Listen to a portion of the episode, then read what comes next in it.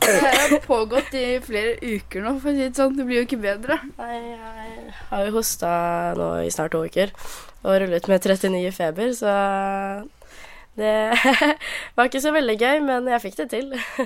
Nå er russejentene Kristi og Ida Marie på tidenes fest. Med bussen Festimax får de endelig feiret slutten på 13 års skolegang og starten på voksenlivet. Og så tror jeg det bare er egentlig mest for festing, derfor det er viktig. For at uh, vi ungdommer liker veldig godt å feste, så jeg tror det er derfor. Men bak all euforien ligger skår i gleden for mange. De som satset på en rå russebuss, men som ender opp med store regninger og en ødelagt feiring. Og det samme skjer igjen og igjen. Hvorfor går russen på den samme smellen hvert år? Dette er Forklart, og jeg heter Synne Søhol. I dag er det mandag 16. mai, russens store festdag.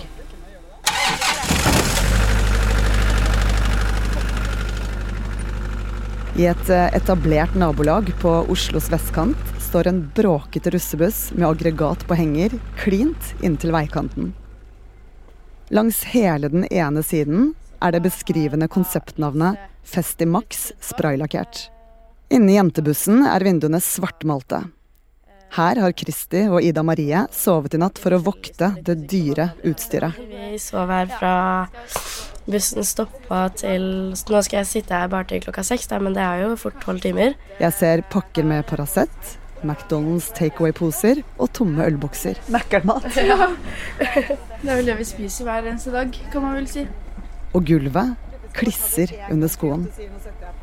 Og så er det lukta hvis du ikke har vært inne i en russebuss før, så har de en helt egen lukt. En litt sånn tung miks av øl, sigg og diesel. Og helt bakerst i bussen selve smykket. Ja, her har vi en lydvegg eh, hvor vi har tre subber og tre topper. Og så har vi da lys overfor der igjen. Eh, de spiller ganske, ganske høyt, så her er det viktig å ha på seg hørselsvern.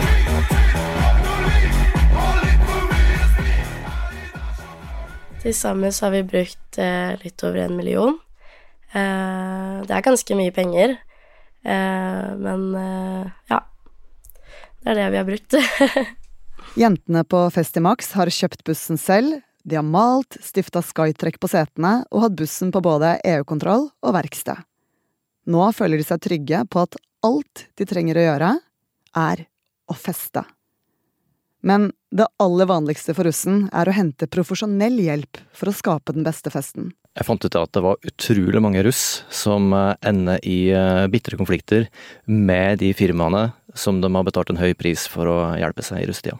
Ivar Brandvold er VG-journalist og har snakket med russ fra 100 russebusser. Russen forteller oss at uh, snittprisen ligger på om lag en million kroner, og at det er uavhengig om russen blir leid eller eid. Rusten forteller også det at eh, det handler veldig mye om hvor ærlig du er når du setter opp eh, regnestykket etterpå. Det er jo mange som er litt flaue også over eh, økonomien i det de har vært med på. Men snittprisen ligger der. Og det er mange som også sier det at du kan komme litt bedre ut hvis du kjøper bussen og selger den etterpå, men risikoen er jo da at du aldri får solgt bussen igjen, og da blir regnestykket dårligere igjen. Men én million kroner er jo fryktelig mye penger. Hva brukes de pengene på egentlig? De brukes jo åpenbart på, på sjølve bussen. Eh, enten ved at du kjøper den eller at du, eh, du, leier den. Men det er også mye mer enn det. Eh, fordi at eh, hvis du da velger å oppsøke et profesjonelt eh, utleiefirma f.eks., så, så vil du da etter å ha sagt ja til å leie buss, få tilbud om ulike begreper som stappepakke f.eks. Det, det innebærer da at du kan få stappa inn så mye høyttalere og subwoofere og forsterkere som du har penger til, omtrent. De som kjøper de beste stappepakkene, får gjerne da såkalte konsertsystemer som kan komme opp i minst 140 desibel. Eh, og selgerne kaller det gjerne en eh, stappepakke som kan gi eh, en konsertopplevelse tilsvarende 800-1000 publikum. Så er det noe som heter satsebuss? Satsebuss er et litt sånn svevende begrep, eh, som, eh, som, gjerne blir brukt for å friste rusten til å bruke mer penger. Satsebuss betyr at eh, bussen skiller seg litt ut fra de andre ved at den enten er større, lengre, har flere sitteplasser, har mer stereoanlegg, har finere graffiti eller at den har på en måte det som er aller viktigst for mange russ, sidestilte seter i en slags salongformasjon som gjør at du kan danse, feste og ha det kanskje ekstra gøy. Eh, ingen setebelter osv. Ja, nei, det er ganske populært å ha sidestilt nå til dags, i hvert fall i Oslo.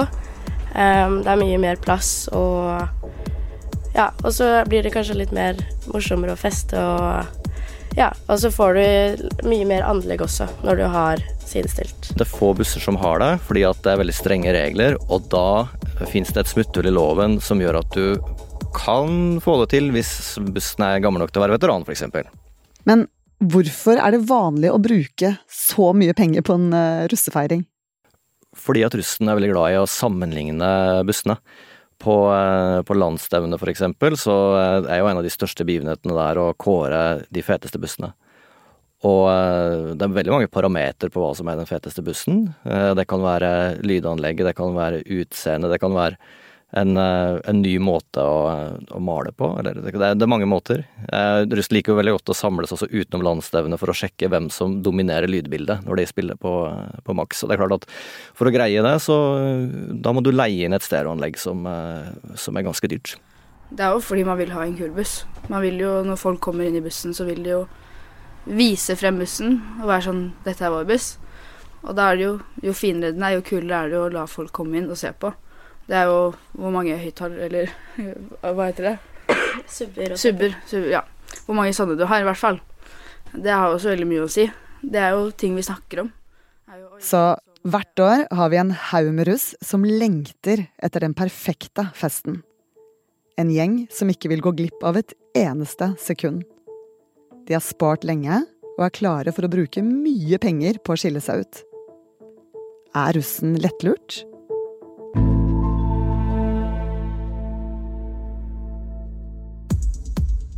Før så tenkte vi jo gjerne at dette her var et uh, Oslo Vest-fenomen.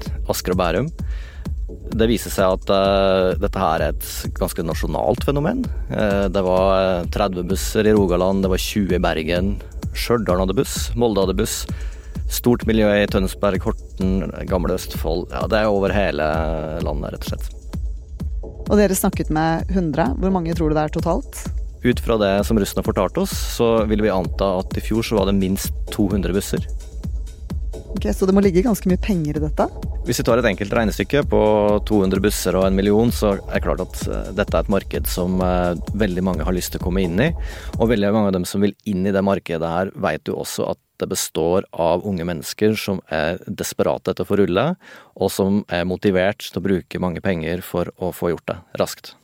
Så rett før feiringen starter, og russen står klare for sitt livs fest, er de så gira at de både overser og godtar feil eller mangler med utstyret som de har betalt masse penger for. Vi har flere eksempler på at dyre utleiebusser har stoppa etter veldig kort tid, kanskje bare etter noen minutter, der det viser seg at eh, det åpenbart ikke er utført banalt vedlikehold. Det kan være tette luftfilter, det kan være tette dieselfilter, slitt viftereim eller eh, mye mer alvorlige mangler, men uansett ting som gjør at bussen stopper. En buss som stopper er bare ett av mange eksempler. Men i denne episoden har vi valgt å ikke gå nærmere inn i de konkrete situasjonene eller snakke om spesielle firmaer. For måten disse situasjonene blir løst på, er et overraskende vanlig problem. Den første overraskelsen er jo gjerne når eh, de ringer servicetelefonen og eh, de får beskjed om at eh, det kan ta tid før de får hjelp. Og det er jo kanskje grell kontrast til det de ble lovt et par år tidligere, der det gjerne ble lovt at servicetelefonen er bemanna 24 timer i døgnet, og at vi står parate til å dra ut og hjelpe dere uansett hvor i verden dere skulle få problemer.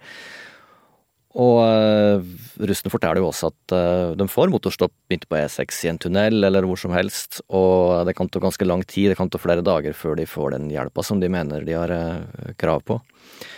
Og det som da skjer, er at russen kanskje finner ut at de skal begynne å finsjekke kontraktene litt, og se litt nærmere på punktene der, og da ser de jo ofte at firmaene har store ansvarsfraskrivelser som betyr at de er egentlig ikke pliktige til å gjøre så veldig mye.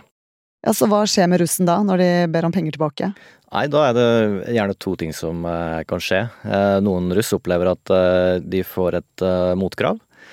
Der firmaene opplyser om at det er funnet til dels store skader på, på bussen, enten som følge av hardt bruk eller feil bruk og at uh, de vil vurdere å sende et motkrav til russen. Og, noen ganger så får da russen beskjed om at vi venter med kravet, vi venter til vi ser hva dere gjør med deres krav. I tillegg er det mange som opplever, rett før feiringen starter, at bussene er minst én dag forsinket. Russen, som på det tidspunktet er desperate etter å rulle, godtar gjerne hva som helst for å få bussen på veien. Ivar, når russen er så gira, er de da rett og slett lettlurte? Isolert sett så er russen eh, smarte, oppgående mennesker. Eh, men som gruppe så er de veldig utsatt for å bli eh, manipulert, spesielt av erfarne selgere som vet hvor sterkt ønske de har om å rulle. Og som kanskje også vet hvor sterkt ønske de har om å bli ferdig med alt sammen etterpå. Ja hva, ja, hva gjør de da, hvis de får en ekstraregning på f.eks. 50 000 kroner? Nei, Det første de gjør da, er jo at de, de spør på, uh, på Messenger-gruppa. Alle russebusser har stort sett en Messenger-gruppe der uh, alle 25 eller 30 deltar. Og det er avstemning. Det er veldig demokratisk. Og da uh, ser vi jo det at mange velger da å, å betale, fordi at de, de, tenker at ok, 50 000 delt på 25, vi gjør det, så er vi ferdig med det. En annen ting som påvirker oppgjøret, er at russen er helt på slutten av en periode i livet der de har møtt hverandre hver dag på skolen og sett hverandre mye på fritiden. Men så er det over. Reiste jo til, til, hele verden i noen, i noen tilfeller. Mange skal på førstegangstjeneste, noen skal studere, noen skal ha et friår. Det er mange steder. Eh, og en enslig bussjef sitter kanskje igjen med hele ansvaret. Men Ivar, den russen du snakket med, de er jo ikke de første som opplever sånne problemer. Hvorfor får ikke neste års russekull eh, beskjed om hva som har skjedd? Det handler litt om eh, hemmelighetskulturen som, eh, som, er mellom russebussene. Det er jo en sterk hemmelighetskultur for at alle konsept skal være top secrets mellom eh, alle busser. Det blir nok også utnytta litt av en del firmaer, i den forstand at russen blir overtalt til å signere på taushetskontrakter. Eh, der de skriver under på at de ikke har lov til å si noe negativt om firmaene i sosiale medier, f.eks. De har heller ikke lov til å si noe negativt. Og de pålegges også ofte å, å spre positive innlegg eh, på, på, Instagram. Og i sum da, så gjør det at yngre elever veldig sjelden får, får tilgang på den informasjonen. Det hører også med til historie at uh, veldig mange russ uh, får vervepremier på inntil 20 000 kroner for å, uh, for å peke ut førsteklassinger som, som, kan ha snakka litt om at de kanskje er interessert i, i russebuss. Ja, er det noe lærdom i alt dette her, da? Av de 100 bussene som vi prata med, så var det jo 80 som fikk problemer. Av dem som klarte seg aller best, så, så spurte vi dem da hva, hva slags råd har dere til, til nye russ. Og da sa de at kjøp bussen sjøl. Eh, og kjøp, eh, kjøp inn lydanlegg og alt dere trenger, men gjør det fra aktør utenfor russebransjen.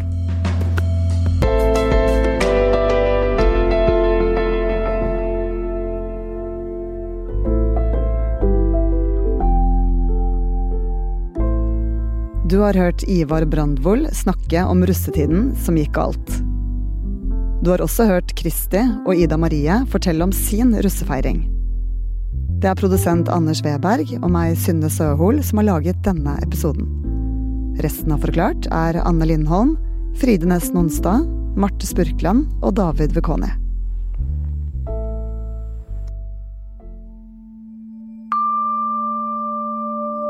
Fortalt en podkast fra Aftenposten.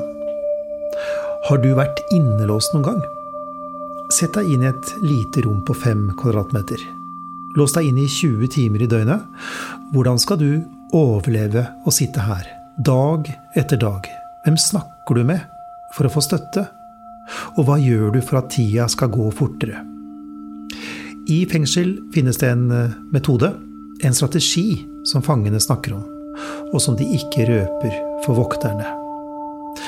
Andreas Ribe Nyhus kan fortelle om det. Han hadde aldri vært innelåst på en celle før han ble arrestert. Jeg er dømt for eh, drap og fikk eh, 14 års fengsel for det. Hør historier som overrasker hver uke i Fortalt fra Aftenposten, hos Podmy eller i Aftenposten-appen.